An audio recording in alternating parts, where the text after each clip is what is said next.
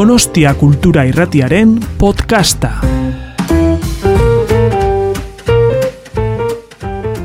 Ongi etorri eta eskerrik asko tortzagatik, eskerrik asko Maria. Antonio Casado Arrotxa naiz eta mm, bueno, eskertu nahi nioke Maria Luisa Belenzaga eta Santelmo Museoari eta, eta literaktun jaialdeari ba, okazio hau, aukera hau eh, emateagatik. Buenas tardes y muchísimas gracias por llenar esta, esta sala del Museo San Telmo en esta ocasión tan especial eh, con una autora a la que estábamos deseando eh, escuchar y, tener aquí en, Donostia.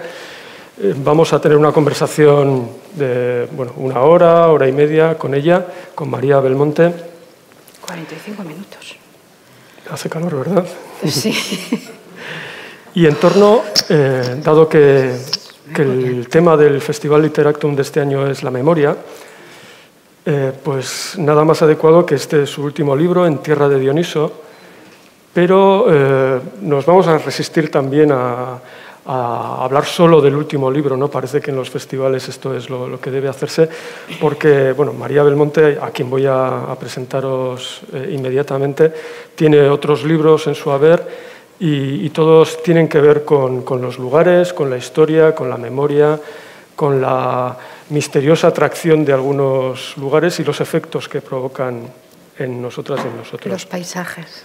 Exacto, otra palabra que, tiene que, aparecer. Eh, aproximadamente María y yo repasaremos algunos de los temas de, sus libros, pero enseguida mm, nos gustaría pasaros la palabra. Eh, me da la impresión que, conocéis sus libros, que, los conocéis además de una manera posiblemente más allá de lo literario, porque compartís con ella algunos lugares de los que ella habla. Así que bueno, vamos a aprovechar eh, la ocasión. María, eh, bueno, si, veis la, la solapilla de sus libros, su biografía es, yo creo que conscientemente parca, no nos da muchos detalles, no le gusta, eh, creo que, hablar de su vida, pero sus libros hablan mucho de, ella y, de sus viajes, así que, bueno, eh, no hace falta, ¿verdad? Yo creo que quienes hemos leído sus libros casi casi como que la conocíamos. Yo no la he podido conocer en persona hasta hoy, pero haber caminado, haber transitado por, cualquiera de sus tres libros, eh, genera una intimidad, digamos, con, eso, con las vivencias, con los paisajes que, aparecen en ellas, eh, que no es habitual. Pero bueno, eh, para aquellos, y aprovecho para saludar a todas las personas que nos están siguiendo en línea, eh, en la página web de, de, San Telmo, María Belmonte nació en Bilbao, pero vive... Eso es, no, no, te lo vamos a tomar a mal porque creo que, que, que un poco tierra de adopción sí. eres. Y estudió historia en la Universidad de Deusto eh, y eh, antropología en la Autónoma de Barcelona, pero es doctora en, en, bueno, en antropología por la Universidad del País Vasco y esto es algo que compartimos ella y yo, eh, hemos coincidido en el mismo departamento. En el mismo departamento. ella hizo la tesis sobre historia de las religiones con Miquel Azurmendi, antropólogo recientemente que falleció hace unas semanas, sí. Así es. Y ella profesionalmente ha ejercido como traductora técnico-literaria y eh, yo la conocí por, por, su segundo libro, Los senderos del mar, eh, del, que, del que seguramente hablaremos. Ha colaborado en diferentes revistas literarias, pero de alguna manera son estos tres libros, eh, Peregrinos de la Belleza, Senderos del Mar y En Tierra de Dioniso, eh, pues los que nos la han acercado. Y, creo que con esto, en realidad, yo creo que mm, para presentar a María tal como yo te veo, María, eh, es muy sencillo. Nos lo dijiste con el título de tu primer libro. Para mí, tú eres una peregrina de la belleza. tus libros tienen eso de peregrinaje de manera explícita o, implícita. ¿no? Y, o sea, que alguien que camina, alguien que, que está eh, pisando la tierra y al mismo tiempo alguien que, que lo hace en pos de la belleza. ¿no? Eh, leyendo, releyendo eh, en Tierra de Dioniso y los senderos del mar, empecé a notar cuántas veces aparece la palabra, bueno, el adjetivo hermoso o hermosa. Y son muchas. ¿no? Y, y por otra parte, eh, mientras uno lee, ya hablaremos de eso si, si, si os parece, ¿no? Eh, uno lee los libros de María y aprende un montón. ¿no? Eh, yo hice la tesis sobre Henry David Thoreau, un, un autor que, del que también tú, tú, sabes y que sueles mencionar en tus libros, y de alguna manera, no sé si lo inventó, pero sí que hizo célebre un género que es el género del viaje con mucha información que se va entrelazando ¿no? con, la, con, la, narración estrictamente geográfica. ¿no? Entonces, eh, son dos libros distintos. Yo diría que Senderos del Mar es un, es un libro más de ciencias, ¿no? hay mucha geología, hay mucha biología también. Y, y, En Tierra de Dioniso, este último libro, para mí es un poco más de pues, arqueología, es un poco más de letras. De letras, sí. Aunque, bueno, eh, los que tampoco no nos creemos mucho la distinción, ¿no? Eh, eh, pues disfrutamos con los dos, ¿no? moviéndonos entre, entre esas dos orillas. Así que tenemos, a mí me gustaría hablar de los dos, de hecho me parece que, es, que vienen como en pack. ¿no? tal vez el tono emocional también sea distinto. Los senderos del mar, para mí, tiene la, la energía que, que, le entra a una cuando sale del mar, ¿no? después de un, de un buen, buen, baño. baño. ¿no? Es muy positivo, muy energético eh, y al mismo tiempo muy hedonista. ¿no? Eh, en Tierra de Dioniso tal vez sea un poquito un libro más trágico, ¿no? eh, un libro más oscuro, más norteño, más umbroso. ¿no? Así que tenemos dos libros complementarios y, y bueno, también están unidos por, eh, por toda una literatura, por toda una biblioteca de, de libros que están incluidos en, en estos dos. ¿no? Pero yo antes de, te quería preguntar lo primero por, por, tu conexión con San Sebastián, ¿no? porque, ah. porque la, la, ciudad aparece de manera muy, muy clara en los senderos del mar, eh, transitas en los senderos del mar es el relato de de una caminata desde, desde Bayona a Cobarón, a Bilbao, y por supuesto pasas por aquí como muchos otros, ¿no? Y, pero has tenido otras épocas de tu vida en la que has, has Siempre que aquí, paso, ¿no? además paso extasiada. O sea que, pues sí, mi, mi relación, bueno, soy de Bilbao, ya os lo he dicho, pero Donosti para mí, digamos, es que es mi ciudad favorita. Y os contaré una cosa, yo cuando vivía en, en Bilbao, que era una ciudad muy negra, muy oscura, o yo estaba pasando un mal momento, lo que hacía era coger un autobús, me venía en una hora a San Sebastián y simplemente ese aire que yo ya respiraba en, el puente, el aire del mar, el paisaje ya, me renovaba. Os lo he dicho, o sea, os lo juro que lo he hecho, pero varias veces. Y hoy cuando he vuelto y he, he salido del coche, y que me ha dejado además al lado del mar, he vuelto a sentir lo mismo. Hay algo aquí en esta ciudad que me llena de energía, o sea que la adoro. ¿Qué os voy a decir? Es, me parece una ciudad maravillosa y que tenéis mucha suerte de vivir aquí, la verdad. Y luego también tengo muchos recuerdos a través de mi madre, que cuando terminó la guerra civil y mi madre vivió el bombardeo de Guernica, se quedaron sin casa de la noche a la mañana, eh, los evacuaron a Francia, bueno, una odisea terrible, y vinieron a vivir a San Sebastián. Mi abuelo murió muy pronto, y mi madre tiene sus primeros recuerdos de adolescente aquí, de pequeñita. Como te he contado antes, incluso se echó un novio, una, era, no, fue novia de Ángelo Arnoldo, de los de los helados. Y, y, y, mi hermano y yo le decíamos, jo, mamá, ya te podrías haber casado con Arnoldo, porque así hubiéramos pasado nosotros la vida comiendo helado, ¿no? Y no con nuestro padre. Entonces, para mí San Sebastián es una ciudad queridísima, pero vamos, tampoco hemos venido a hablar de Donosti, ¿no? Pero bueno, eso es lo que quería decir. Pero a mí me parece un poco inevitable también por la manera como comienza eh, en tierra de, de Dioniso, ¿no? que es una manera cinematográfica, eh, mencionando a Teo Angelopoulos, Teo Angelopoulos. Que, te, que, utilizas como recurso para cerrar también ¿no? el libro. ¿no? Eh, tus libros parecen que, están, que son como meandros, que, que, que no tienen una estructura, pero sí la tienen y generalmente eh, muy, muy deliberada, muy consciente. Por cierto, que, que hace mmm, no demasiado, eh, toda, y, bueno, y esto volvemos al, al tema de, de, la memoria, ¿no? Eh, parece que los incendios de, que han asolado Grecia se llevaron la casa y la biblioteca, ¿no? Sí, de Teo Angelopoulos, el director de cine griego. En, pero eso fue, me parece que hace tres años, que fue un verano entero de incendios y acabaron con, con su casa en un pueblo de la costa y acabaron con todo el archivo Angelopoulos, sí, una cosa muy triste. Pero vamos, sí que hablando de mi libro, ¿no? En Tierra Dioniso, digamos que él fue el espíritu conductor de mi viaje por Macedonia. Si es que quieres que hablemos de... Sí, entremos en el norte, ¿no? que es otra... Sí, bueno, en el norte también están los senderos del mar, pero este es el norte de Grecia. ¿no?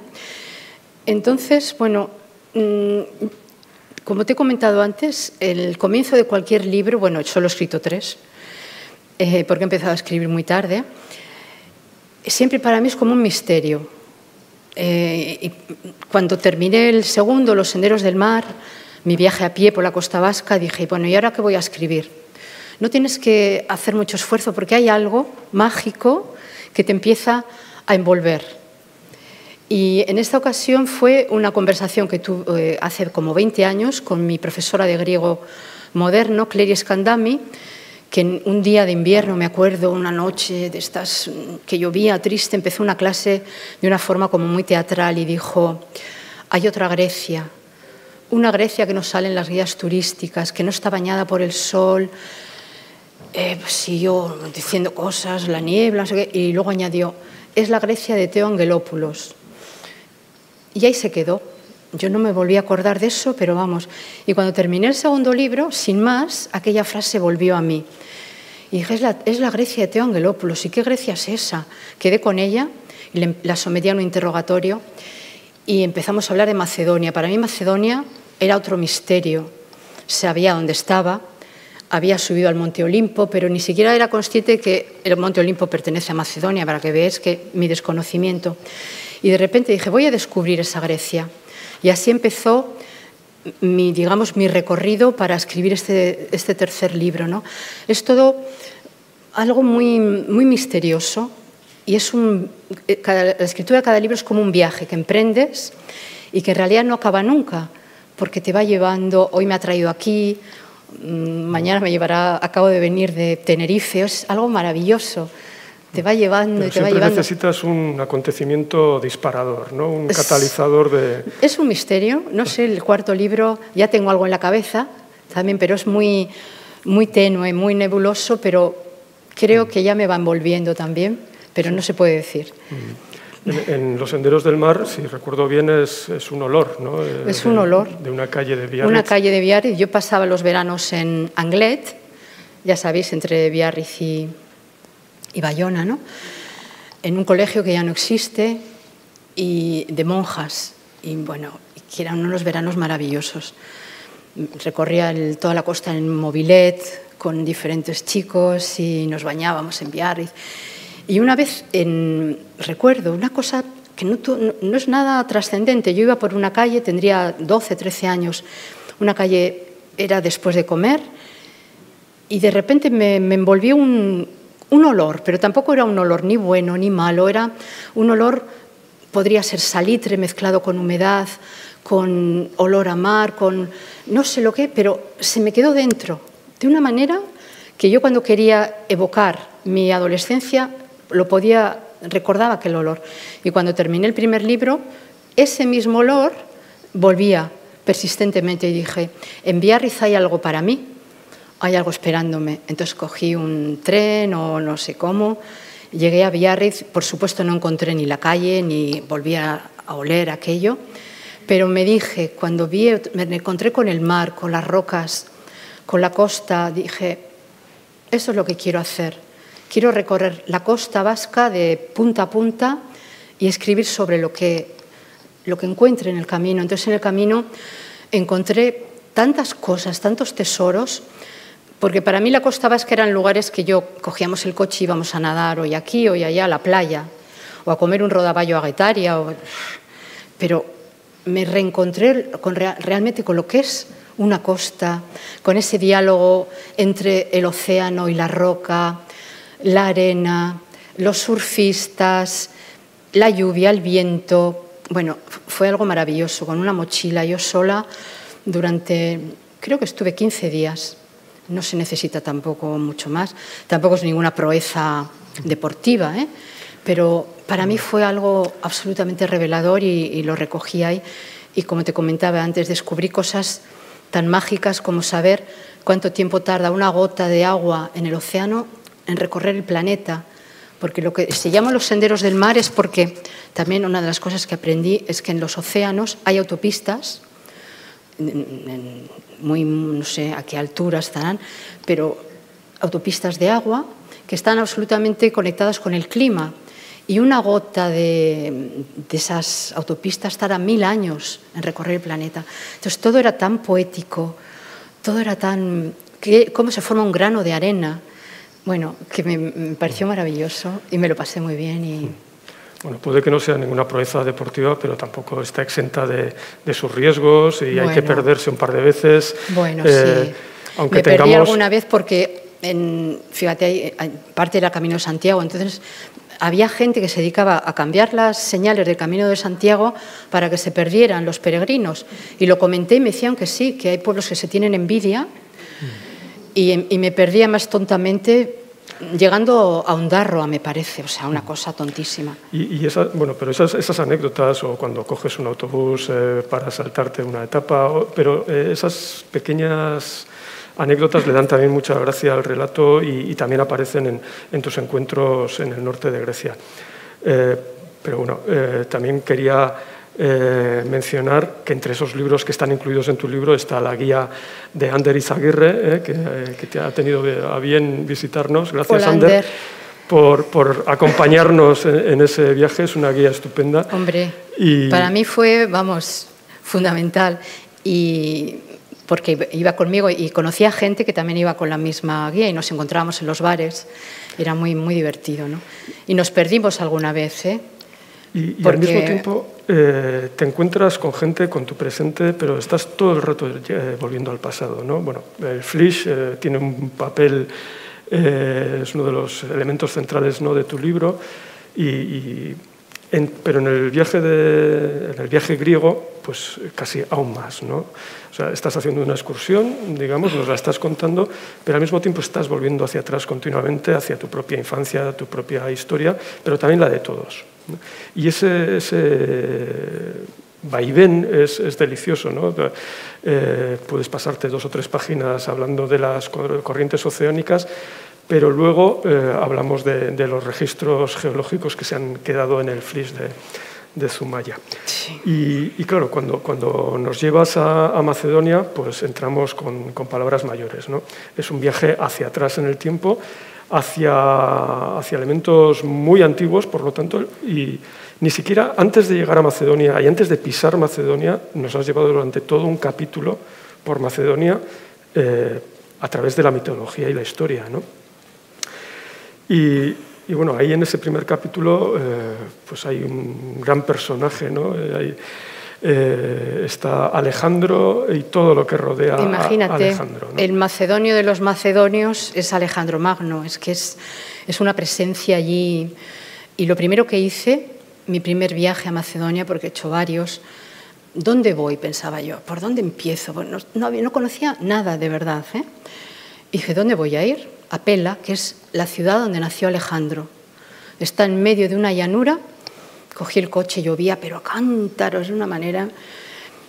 ¿Y qué, qué, queda de Pela? Pues quedan en pie cuatro columnas exactamente, imaginaros, en una villa llamada la Villa de Dioniso, que debió ser inmensa y bellísima, un suelo de mosaico con una, eh, con una representación de, del dios Dioniso subido en un guepardo.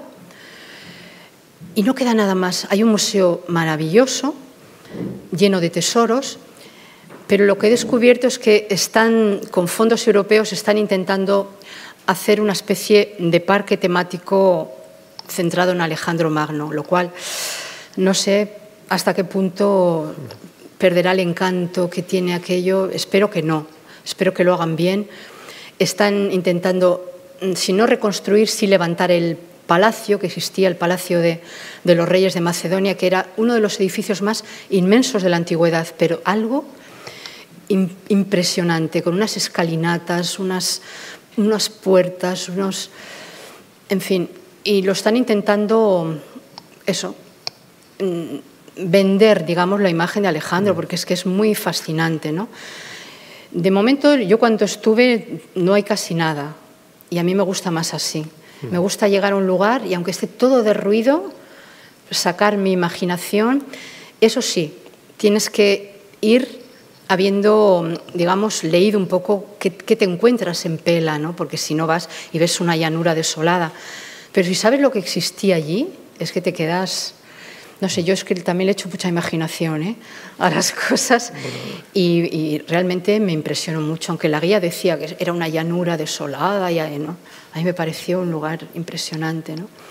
Y si luego de Pela vas a un lugar que se llama Vergina, que fue la primera ciudad de los reyes de Macedonia, antes de Pela, la más antigua, y allí puedes ver la tumba del padre de Alejandro, de Filipo II de Macedonia, eso es una de las cosas para mí a nivel arqueológico más impresionantes que hay en Europa.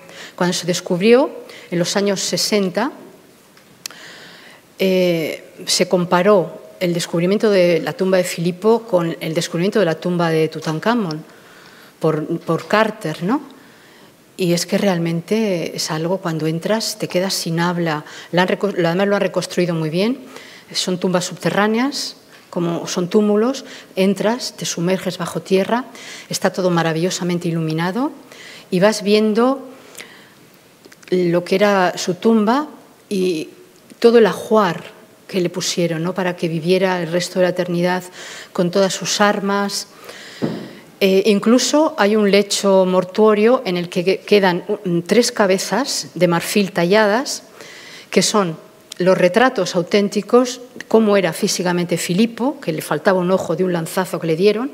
Entonces está Filipo con su ojo ciego, al lado está su mujer Olimpia y luego está Alejandro, están los tres. Entonces te quedas, porque eran ellos, o sea, eran sus caras, ¿no? Entonces, bueno, em, fue mi viaje, era ir de descubrimiento en descubrimiento. Después de visitar esta tumba, visitas las tumbas macedónicas. Y es lo que cuento en el libro, que fue algo... Sí, de eso, quiero hablar ah, después. Pues eh, esta sección de Bergina para mí, para mí fue, fue maravillosa y ahí fue el momento en el que ya no pude otra cosa que empezar a mirar en Wikipedia y ver fotos. Eh, no hace falta, porque tu libro precisamente eh, despliega sensorialmente un montón de recursos para hacernos imaginar eso que estás imaginando tú sobre el terreno. ¿no? Pero bueno, yo eh, ya eh, a esas alturas ya estaba obsesionado y tenía que ver, tenía que ver la cara a Filipo, ¿no? Entonces me metí ahí. Pero mm, bueno, esperemos que no llegues a Alejandrolandia, ¿no? Eh, porque está muy avanzado, pero bueno, si lo haces bien, de momento lo que han hecho está muy bien hecho. Con un estamos, gusto... estamos en un museo. Yo también quería, quería subrayar esta virtud de tus libros. Parece fácil escribir así, pero no lo es. Eh, a los que nos interesa, por ejemplo, la divulgación científica, eh, tú estás haciendo divulgación científica, estás utilizando pues, bueno, materiales eh, o leyendo a otros divulgadores científicos como Bill Bryson o, mm, y, integrando eso. Y eso es muy importante porque integras, por un lado, ciencias y letras, ¿no? esas disciplinas que, nos han dicho que hay que elegir una y por qué. Es que yo soy de letras y siempre he sentido o sea, mucha congoja por mi falta de formación científica, entonces lo compenso leyendo todo lo que puedo. Hace poco he leído hasta un cómic francés que explica el universo cuántico. No he entendido nada, aunque sea un cómic, porque es tan contraintuitivo que es muy difícil de comprender, ¿no? pero es que me apasiona.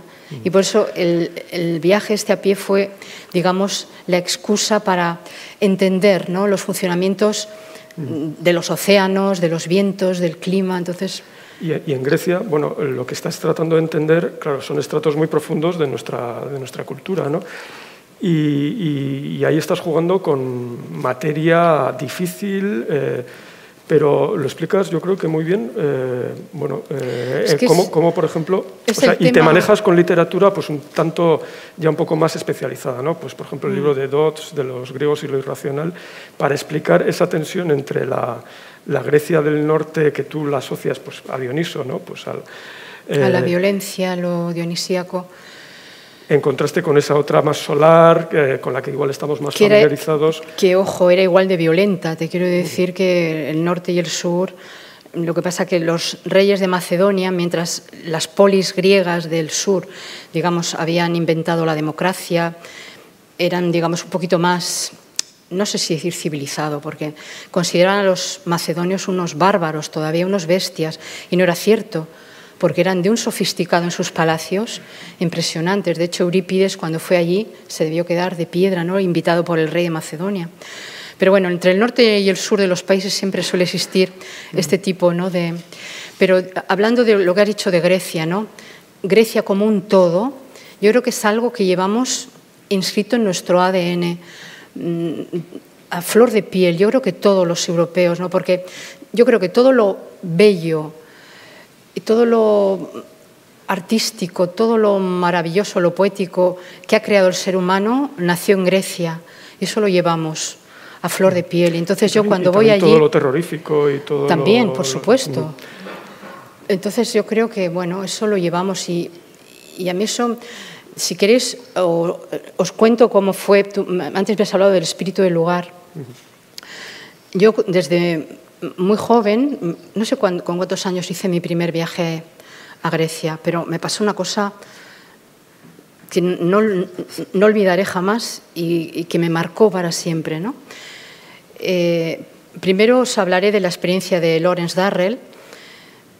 Cuando él viajaba desde Brindisi a Corfú por encargo de su madre Luisa para buscar una casa para instalarse con la familia, que los conoceréis de la serie maravillosa Los Darrell, aunque en realidad Larry iba, viajaba con su mujer, eh, con Nancy, los dos tenían 21 años, eso en la, en la serie ella la han suprimido, pero vamos, eh, la realidad es que fueron Nancy y Lawrence a abrir camino a buscar eh, una casa y cuando iba en barco entre habían salido ya de Brindisi y, y se internaban ya en aguas griegas, él escribe su primera frase del libro La celda de Próspero, dedicado a Corfú, dice, en algún lugar entre Calabria y Corfú se encuentra realmente el azul.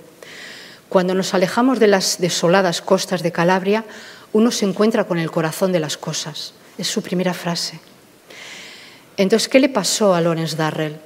Que le había salido el espíritu del lugar, el, el, tremendo, el potente espíritu del lugar que existe en Grecia, se le apareció ya en el barco.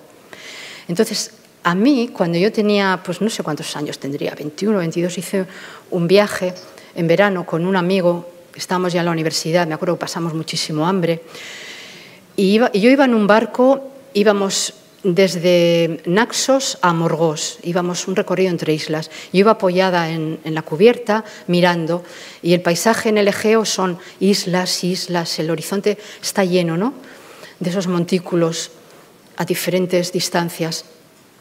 Y en un momento dado, yo estaba allí totalmente concentrada en aquel paisaje, tuve una de esas experiencias maravillosas que se tienen de vez en cuando en la vida, en la que dejé de estar en aquel barco, el, espacio y el tiempo se difuminó y sentí algo que no había sentido en mi vida. Y luego, pensando en ello, dije, el espíritu del lugar me vino a saludar.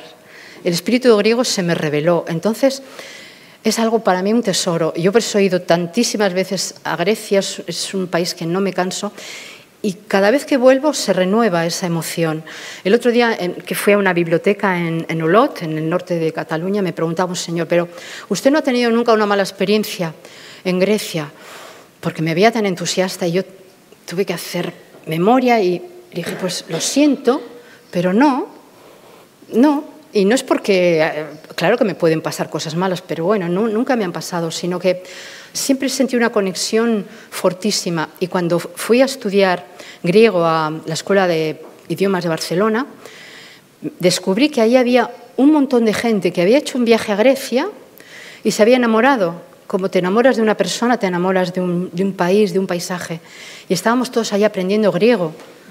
Entonces fue un descubrimiento, ahí estábamos todos. ¿Y tú dónde has estado? No sé qué. Es como una especie de secta de, de enamorados, ¿no? Es algo muy bonito. Y mi profesora Clery, que sigue dando clase todavía, bueno, eh, me dice, si me cada año se me renueva la secta, ¿no? Es, es algo maravilloso. Eh, si me permites jugar un poco con la imagen y, y siempre... Eh, también tiene sus sacerdotes, ¿no? esta secta, ¿no? que serían en este caso eh, los guías. ¿no? A mí me ha gustado mucho en, en, Tierra de Dioniso. Eva. Eva, el homenaje que le haces a, una guía. Es maravilloso. Entre tantas, ¿no? pero, pero ya era hora ¿no? que, pues que alguien eh, también a aquellos que escriben las guías, ¿no? pero, pero depende tanto de, alguien, de que te encuentres con alguien que con ese entusiasmo... imagínate, yo acababa de ver, no sé qué, la tumba de Filipo, y había un teléfono en mi guía que decía, llame aquí si quiere visitar las tumbas macedónicas. Una se llamaba la tumba del juicio, la tumba de las palmetas, y jo, pues, me voy, llamé. Y me dice, ¿dónde está tal sitio? Pues la espero dentro de una hora. Entonces me metí en el coche, seguía lloviendo. Y llegué a la cita y me aparece un personaje, era una, mujer, no sé si era joven, mayor, vestida como muy extravagante, como vestida de, blanco, con un turbante en la cabeza, llevaba colgando muchas llaves y, con perros, dos perros. A mí me encantan los perros, entonces enseguida empecé a tocar los perros y de dónde vienen o cómo se llaman. Y bueno, y esta así conocí a Eva y me llevó a la primera tumba que se llamaba la del juicio. Y era ella muy dramática, muy, era, me dice, espera aquí, que ella abajo sacó las llaves, abrió un portón de hierro y me hizo esperar fuera.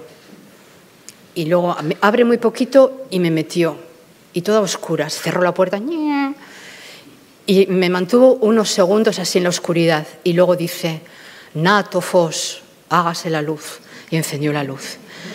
Y de repente me encuentro en mi primera tumba macedónica, que es, son palacios perfectos, pero construidos para estar ocultos toda la eternidad, lo cual eso también habla del espíritu griego. No construían nada para que se viera, ni para decir cómo somos, ¿no? sino todo en honor del difunto. Y toda aquella belleza se había mantenido miles de años oculta. Bueno, luego los ladrones de tumbas han hecho desastres y por eso las han ido descubriendo, ¿no? Pero yo me quedé. Entonces ella me empezó a hablar como las guías, esto, lo otro, el, este es el juez, el, el otro mundo. Yo no escuchaba nada, yo estaba con la boca abierta y entonces me vio tan impresionada cuando salimos que me dice, bueno, veo que estas cosas te gustan mucho. ¿eh? voy a hacer una excepción y te voy a, llevar a ver la de las palmetas. Y yo sabía que la de las palmetas las ven todos los turistas, pero me gustó mucho que fuera tan dramática, ¿no?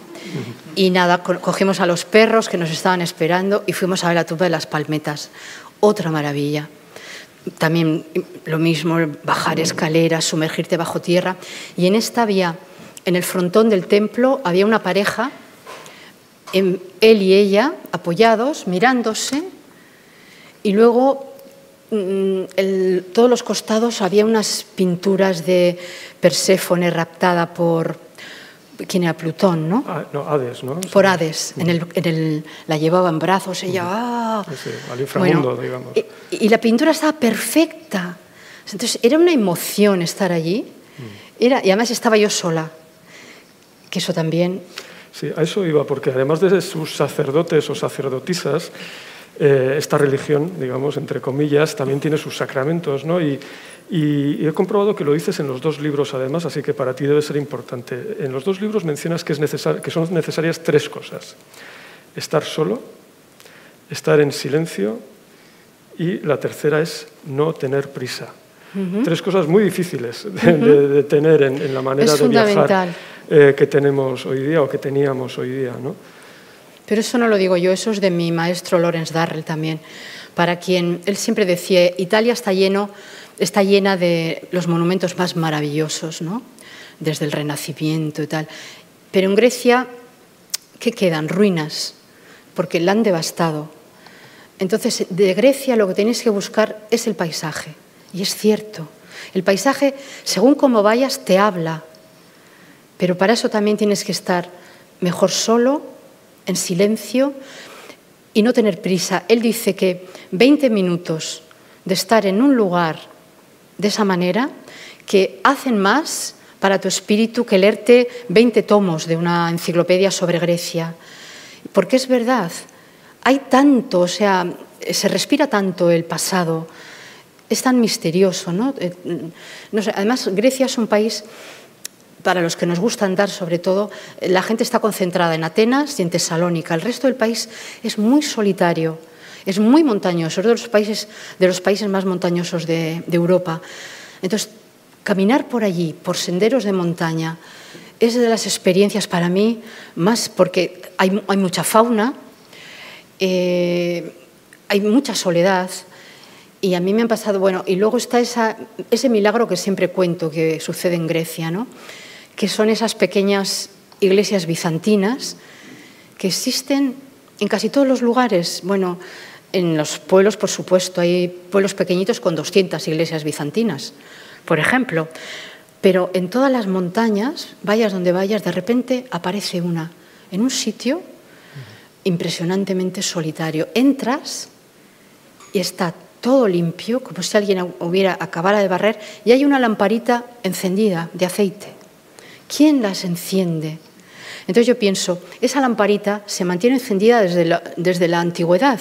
Los, los que llamamos paganos, los que adoraban a otras divinidades, encendían esos mismos fuegos porque tenían nuestros mismos miedos, nuestros mismos anhelos. Entonces, para mí, Grecia, sobre todo, siempre lo concentro en esas pequeñas lamparitas, esas que siempre están eh, abiertas además esas iglesias. Es algo, digamos que la religión ortodoxa está muy viva, a diferencia ¿no? de, digamos, el... A eso vamos a ir enseguida cuando entremos en, Atos, o, bueno, si nos dejan entrar, ¿no? Me encanta el, tema, como has podido comprobar Para terminar con, la, con, la, con esta analogía, digamos, religiosa, seglar, si quieres, eh, la peregrina de la belleza siempre va buscando eso, ¿no? Pues una epifanía, una revelación alguna clase de enseñanza. En este libro, yo al menos la he encontrado justo después del episodio de Berguina, cuando te fijas en, al borde del camino en una pequeña flor de azafrán que luego vuelve a aparecer, que luego inmediatamente contrastas con un sicomoro que según, pues no sé si Nada menos que con el sicomoro de Jerjes. Jerjes Yo eh, soy así, de esa Se quedó tres días ahí acampado solo para, para contemplarlo. ¿no? Eh, para mí ese es el clímax de, de, tu libro. O sea, sí, pero has dicho no hay que buscar nada de eso. Si buscas ese tipo de experiencias, nunca las tendrás. Es algo muy misterioso también. Bueno, es que a mí me gusta mucho, igual os estoy diciendo mucho lo de misterioso, pero es cierto. Si tú vas buscando algo deliberadamente, mm, no sé. A mí todas estas cosas me pasan cuando lo de la flor de azafrán, por ejemplo. Yo estaba caminando por un lugar, entre dos pueblos un camino no había nadie y viene un señor hacia mí corriendo me dice, no siga, que me acaba de salir una manada de perros muy peligrosos. Entonces dije, uff, y me di la vuelta. Pero en vez de volver a, de donde venía, cogí un caminito que subía. Y yo sabía que subiendo me iba a encontrar nada menos que con el, el teatro del Palacio de Vergina, donde fue asesinado Filipo II. O sea que el lugar ya era... Entonces iba caminando la tarde estaba cayendo y vi en un recodito del camino un crocus, no sé si una flor de azafrán, esas que son, bueno, con, que suelen ser amarillas o son. Esta era rosa y brillaba al sol de la tarde y me, me pareció tan lindo que me senté a su lado. Y bueno, y allí me pasé un buen rato practicando eso de, de estar callado, dejar que transcurra el tiempo y de una manera es como dejar que el paisaje entre en ti, ¿no? luego ya me levanté, me encontré con una tortuga, la saludé y ya me retiré, ¿no? Porque ya se estaba haciendo de noche. Entonces, pues no es una mezcla de buscar y de dejarte sorprender también. y, esa búsqueda del, espíritu del lugar, ¿no? que también aparece en, tu otro libro, eh, tiene también una última tentación, ¿no? la tentación de, quedarse, tal vez. ¿no? Eh, yo pensaba en eso al leer el penúltimo capítulo que dedicas al monte Azos y a toda su historia, que la verdad es que es fascinante también. Eh, pero claro, Azos es tu, tu, objeto de deseo nunca alcanzado, ¿no? Y debe seguir siéndolo, como digo al final. Bueno, lo pronuncias muy bien, lo pronuncias eh, en griego, Azos. Yo, yo lo digo Monte Athos, porque aquí es como lo decimos, o sea, como queráis. Pero mi pasión por el Monte Athos es, era, o es tan enorme que cuando le presenté el manuscrito a la editora, me llamó y me dice, "Mm, María, es, fantástico, pero has escrito un libro dentro de un libro. Y me quitó 11.000 palabras del capítulo del Monte Athos para que veáis si me había pasado, porque es que es un tema que me apasiona. No sé por qué. Y encima es un lugar que nunca he visto. Pero primero yo creo que me apasiona porque sé que es de esos lugares en los que el paisaje griego queda intacto, precisamente porque es un lugar monacal.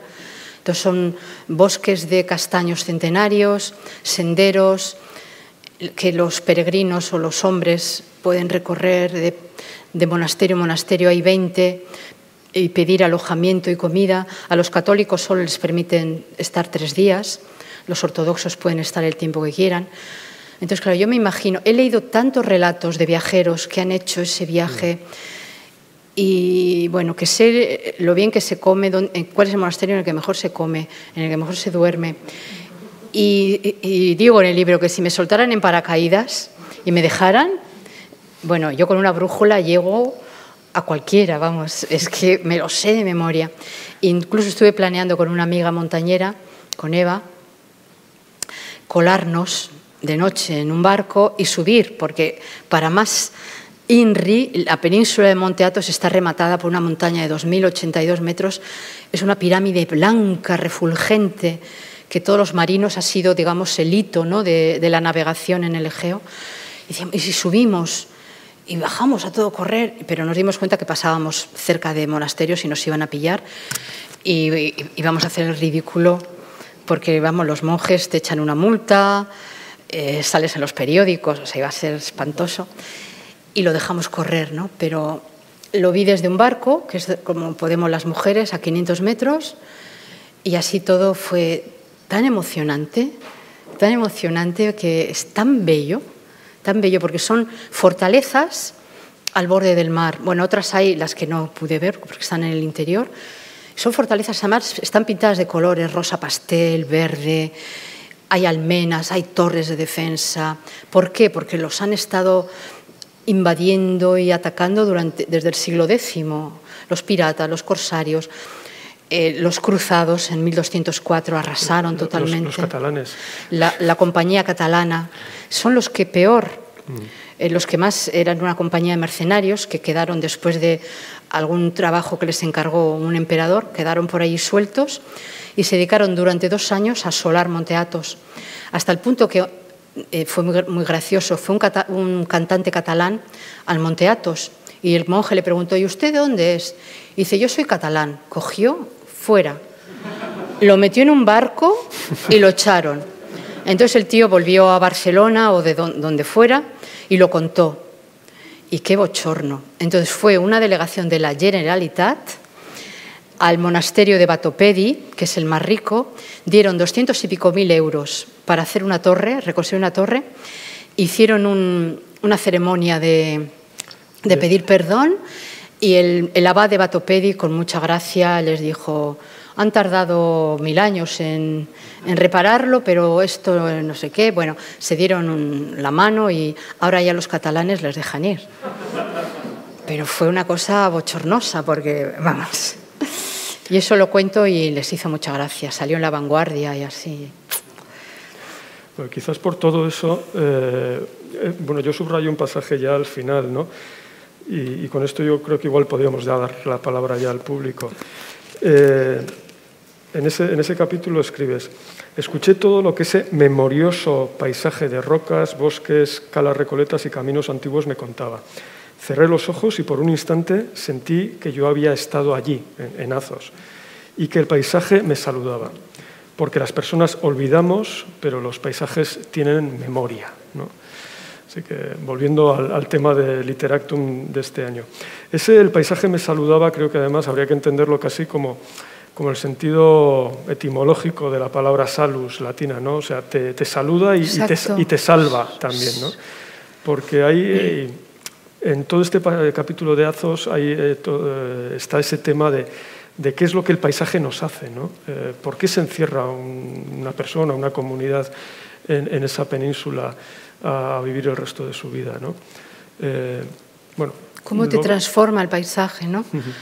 Y yo me pregunto muchas veces, ¿qué es lo que me pasa a mí ¿no? ante el paisaje griego?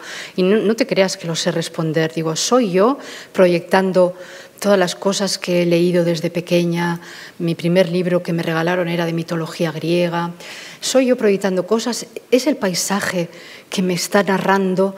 Entonces es, es la interacción ¿no? entre lo que yo proyecto, lo que el paisaje me da pero es algo que me pasa casi sobre todo en, en ese país, ¿no? Entonces, bueno, es, algo por lo que lo quiero mucho y, me gusta volver y volver y estoy segura que todavía pues me dará mm, sorpresas porque, bueno, creo que conozco mucho, pero en un país nunca lo terminas de conocer, ¿no? Por ejemplo, me queda sin conocer Tracia, que es la siguiente, es la región ya más remota, más desconocida, la que es frontera con Turquía. Ese es otro mundo aparte, es muy, mm, muy turco, quedan pueblos de montaña en las que sobre todo se habla en turco. O sea que todavía tiene muchas... Eso, eso esperamos eh, tus lectores. ¿eh? Bueno. Eh, así que tenemos un micrófono en la sala. yo pediría que si alguien quiere hacer una pregunta o un comentario, espere a que le llegue el micrófono. En atención tenemos aquí en la tercera fila. que espere a tener el micrófono en atención a, a las personas que lo están siguiendo online.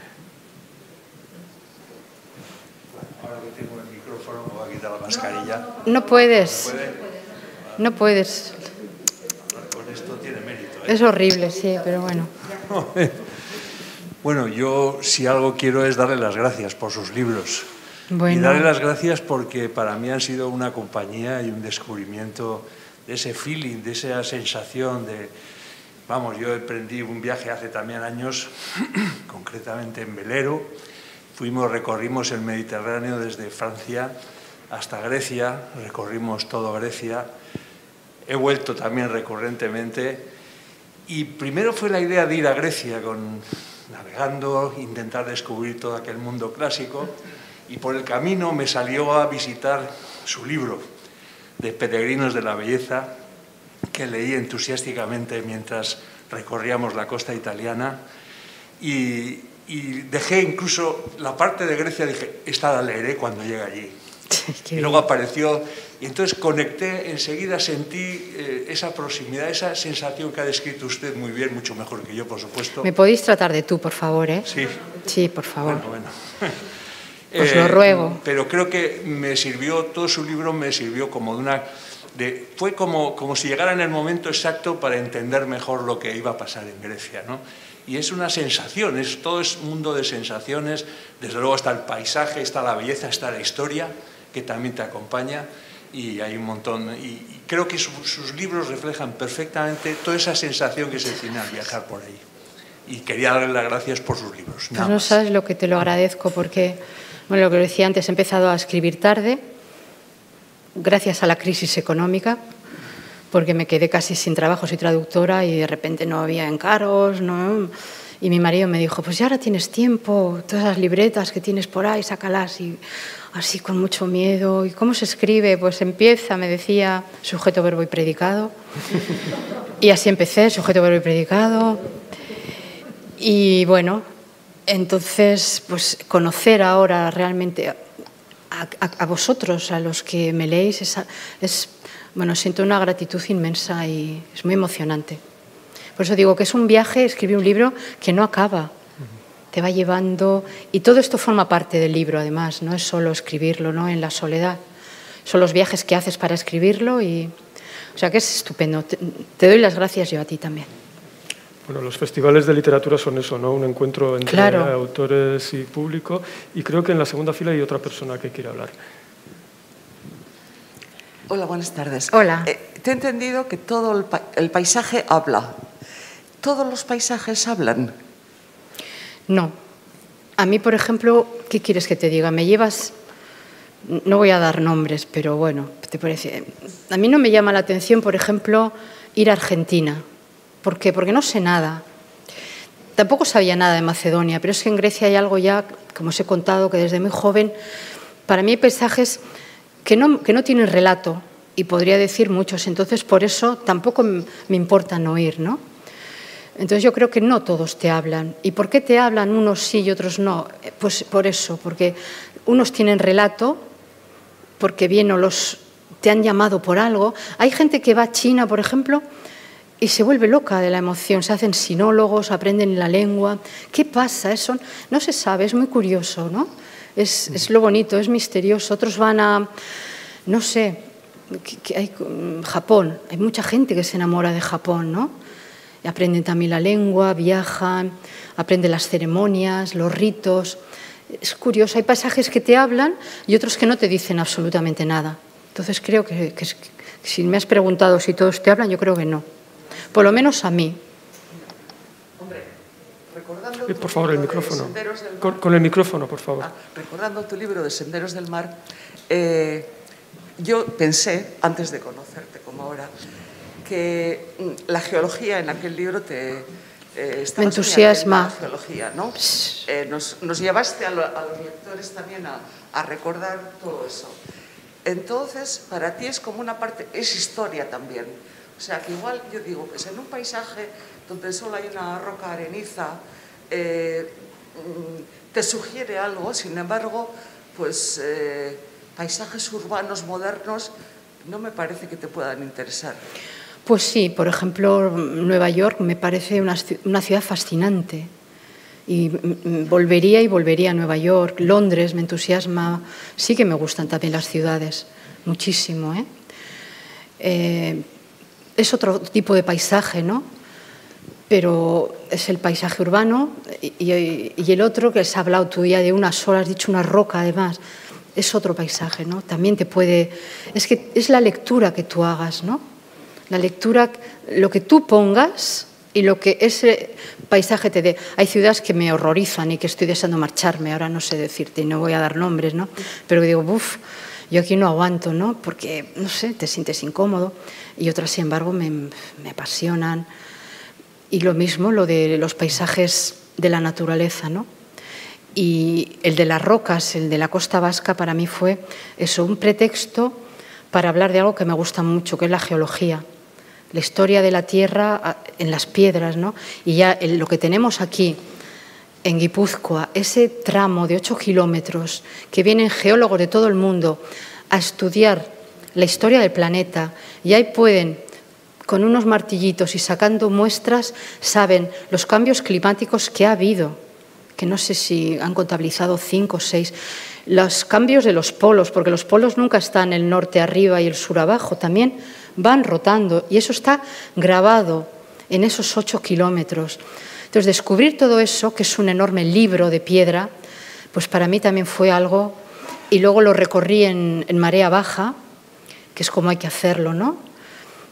Y teniendo cuidado, claro, que no te suba la marea, porque no hay muchos sitios por donde escapar, pero es un viaje corto, pero un viaje en el tiempo increíble, ¿no? El del Flish.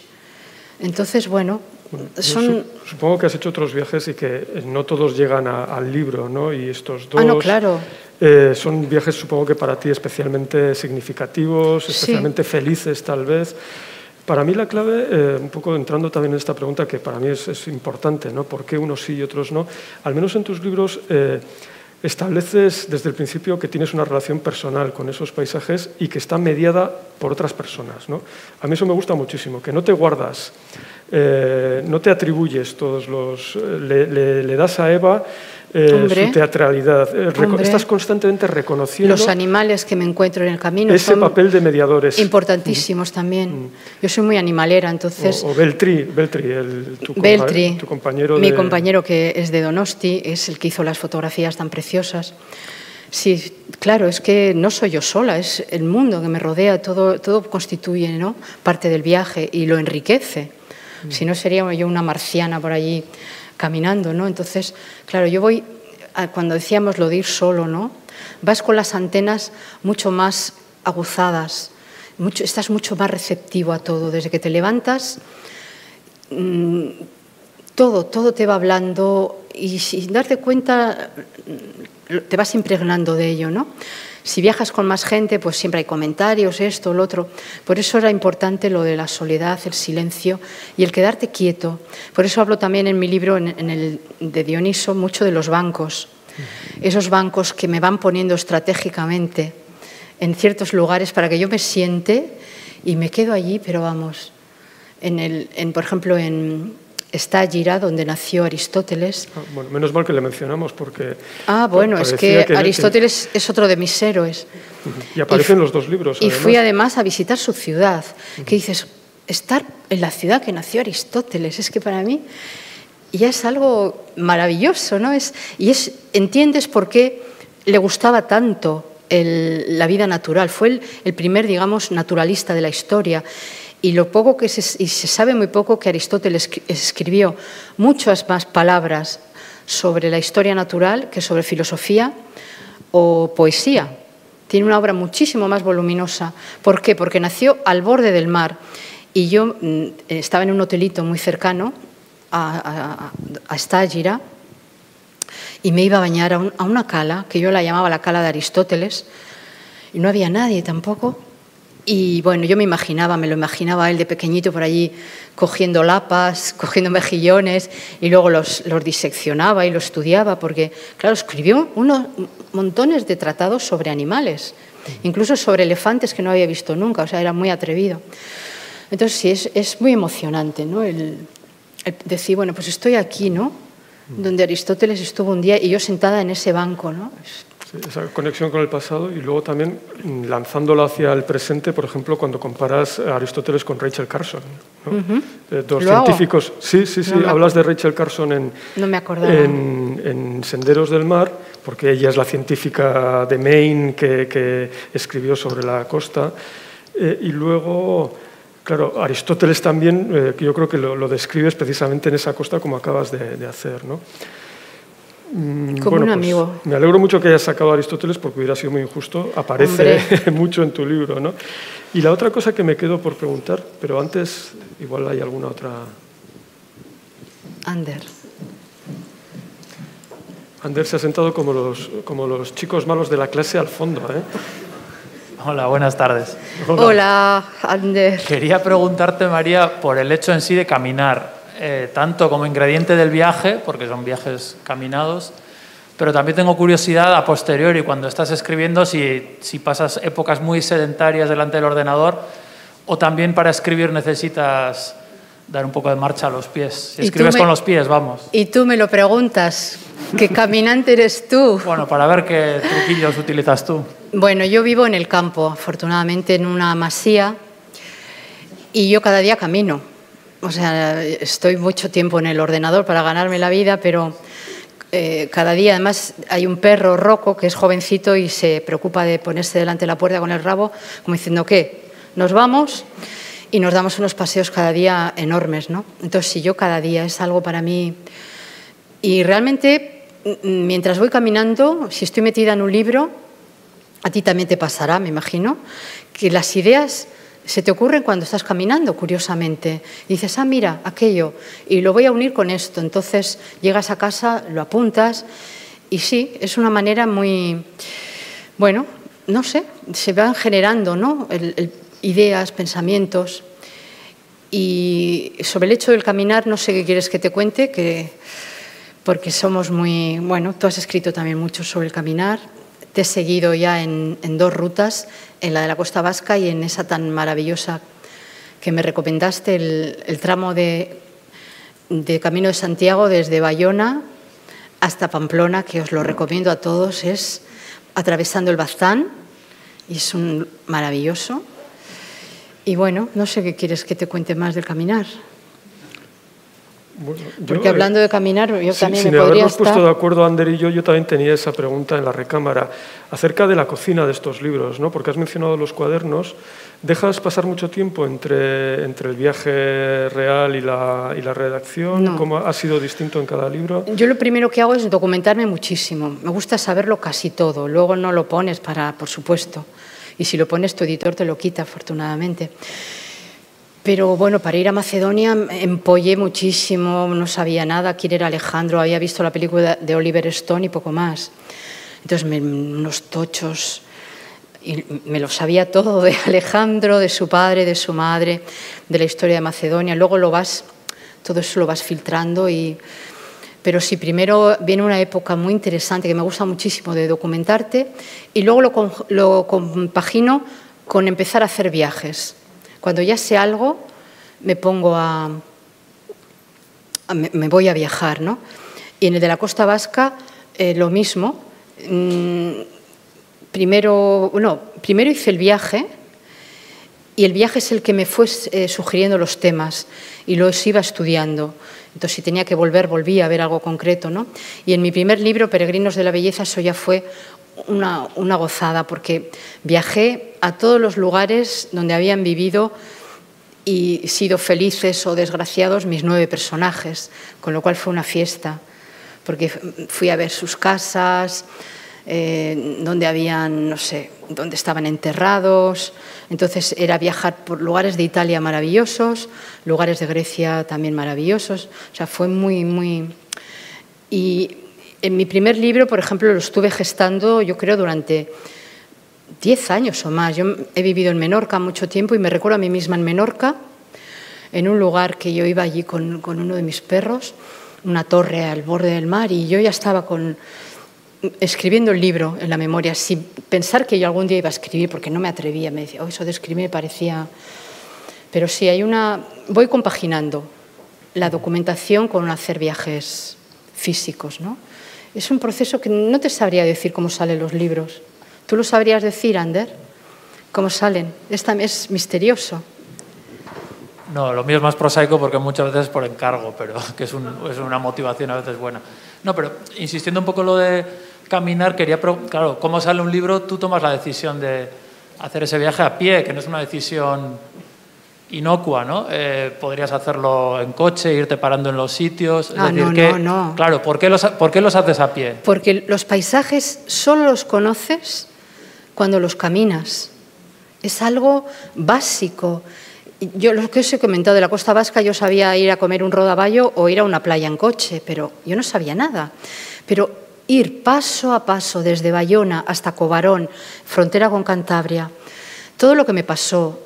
Unas veces había un viento que me tiraba, me acuerdo en, aquí en el País Vasco francés, antes de Socoa, bueno, estuve a punto de retirarme porque no había nadie en los caminos y yo allí con mi capa y con mi mochila.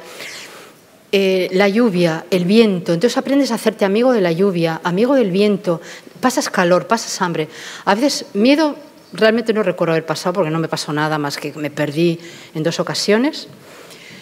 Y, pero es que los paisajes los tienes que, que oler, los tienes que tocar.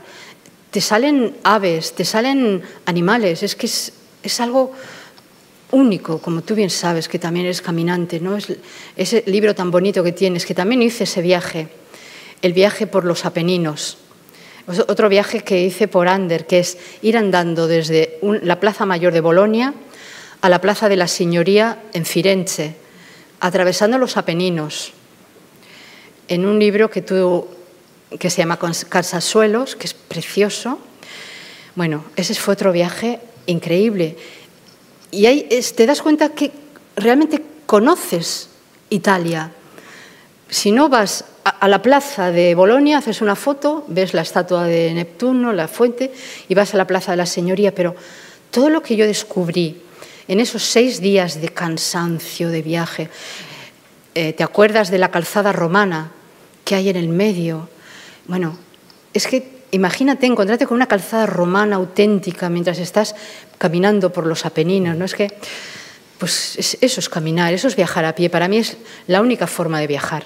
Viajar en coche, pues sí, cuando tienes prisa, ¿no? Pero si yo pudiera, todos mis viajes serían a pie, lo que pasa que es imposible, ¿no? Pero bueno. Hay, otra calzada romana en Senderos del Mar, ¿no? Aquí, muy cerquita de aquí, en Saraut. Ah, sí, sí, sí, sí. Y, para terminar, bueno, eh, aprovechemos este momento. ¿eh? María no viene todos los años. Eh, esperemos que, esperemos ¿eh? que, sea así. un poco en esa línea, si ahora alguno de nosotros se nos hubiera despertado el gusanillo y teniendo en cuenta que las circunstancias de momento parece que lo hacen posible, ¿qué le recomendarías a alguien que se plantease viajar al norte de Grecia ahora? Estas navidades, por ejemplo. Uy, en Navidades, o, dónde? ¿Dónde? ¿Cómo? En Navidades no sé si es la mejor época. Se hace muy pronto de noche. Es son lugares muy montañosos y tal. Yo os recomiendo, bueno, siempre recomiendo ir a Grecia en primavera. En verano ni, ni, soñar por el calor, por los turistas, pero primavera es bellísimo, está todo lleno de flores, está mucho más conservado, hay menos pesticidas o lo que sea, pero el campo se pone. Entonces yo recomendaría en primavera, ¿dónde ir en Macedonia? Primero ir informado, porque si eh, llegas a Tesalónica sin saber nada de esa ciudad, que es un tesoro, pero es un tesoro que lo tienes que ir descubriendo poco a poco. Si llegas sin más, dices, uy, estás un día y te marchas porque es una ciudad... No, no tiene resuelto lo del tráfico. El tráfico es. Palimpsesto la menciona. Exacto. Es, es, el cuarto capítulo, no lo hemos tratado Exacto, apenas es una aquí. ciudad tan rica, de las ciudades más ricas a nivel histórico europeo, ¿no? Se parece mucho a Barcelona físicamente. Es un frente marino y luego va subiendo, ¿no? Colinas. Pero es una ciudad muy caótica, muy ruidosa, pero es maravillosa. Está llena de estudiantes porque está la Universidad Aristóteles allí. Entonces yo recomendaría, normalmente siempre aterrizas en Tesalónica, ¿no? Pero un lugar maravilloso para empezar, yo siempre digo, eh, está Gira, ¿no? Ir a visitar la ciudad de Aristóteles, porque primero porque está al borde del mar y te reencuentras con esa Grecia que todos tenemos en mente, que es la Grecia de los, de los olivos, de los pinos que llegan hasta la orilla. Y luego hay un hotelito monísimo, que lo cito en el libro, que se llama el Hotel Liotopi, con la señora Lulu, que es encantadora y hace unos desayunos increíbles. Entonces te instalas allí y, bueno, puedes visitar esta Gira, puedes ir a la playa, puedes caminar por la montaña. Es una zona, además, muy poco conocida, hay pocos turistas, es muy bonito. Y luego dejarte perder, o sea, perderte, ¿no? No visitar, por supuesto, la tumba de Filipo de Macedonia, eso es ineludible, las tumbas macedónicas. O sea, dejarte un poco llevar ¿no? por, la, por la intuición y, y a ver qué te ofrece, ¿no? Pero, no sé, yo recomendaría eso. ¿Qué va a pasar con lo de Alejandrópolis? Si lo van a construir, pues no lo sabemos, ¿no? De momento está en marcha, pero yo siempre confío que lo harán bien. Bueno, para eso tenemos tus libros y la literatura sí. en general, ¿no? que nos da todo eso que igual eh, pues el parque temático no nos va a dar. ¿no?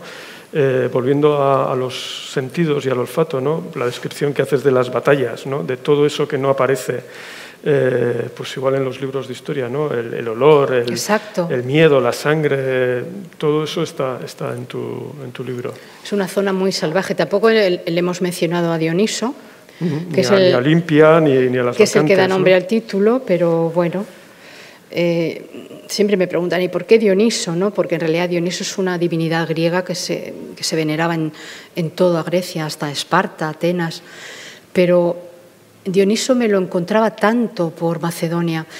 En, en, Tesalónica, en Tesaloniki, había un barrio en la antigua Tesalónica, dedicado enteramente a, a Dioniso y sus fiestas eran, eh, bueno, debían ser importantísimas. Y luego, sobre todo, porque Eurípides, que era ateniense, como os he dicho, fue invitado por el rey de Macedonia, Arquelao, llega a Macedonia y de repente, ¿qué vio aquel hombre, aquel dramaturgo, que le inspiró para escribir la obra más extraña de la literatura griega, ¿no? que es Las Vacantes.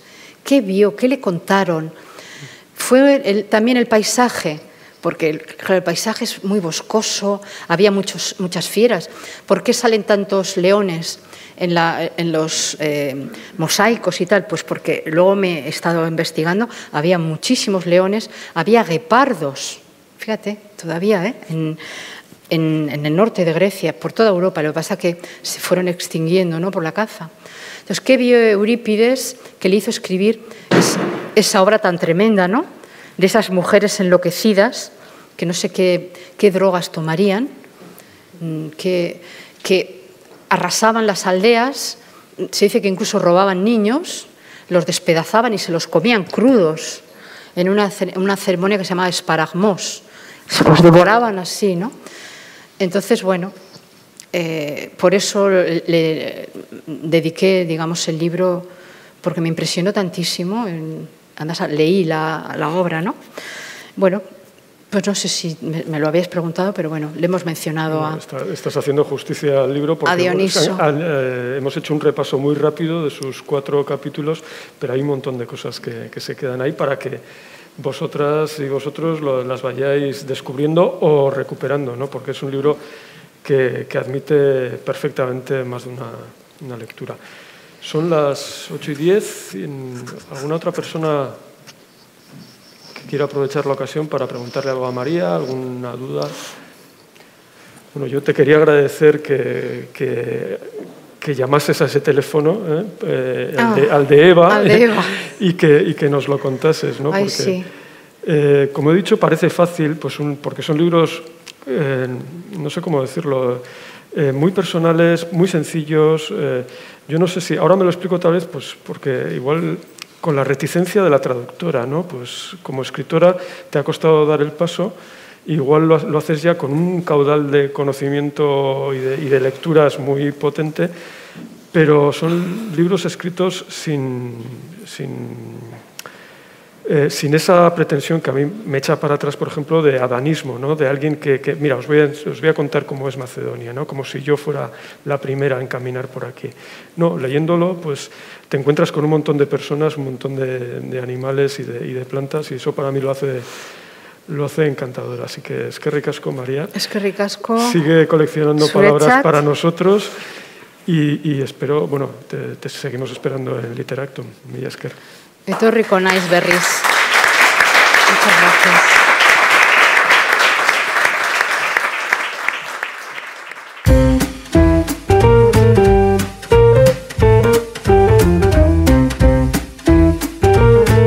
Donostia Kultura Irratiaren podcasta.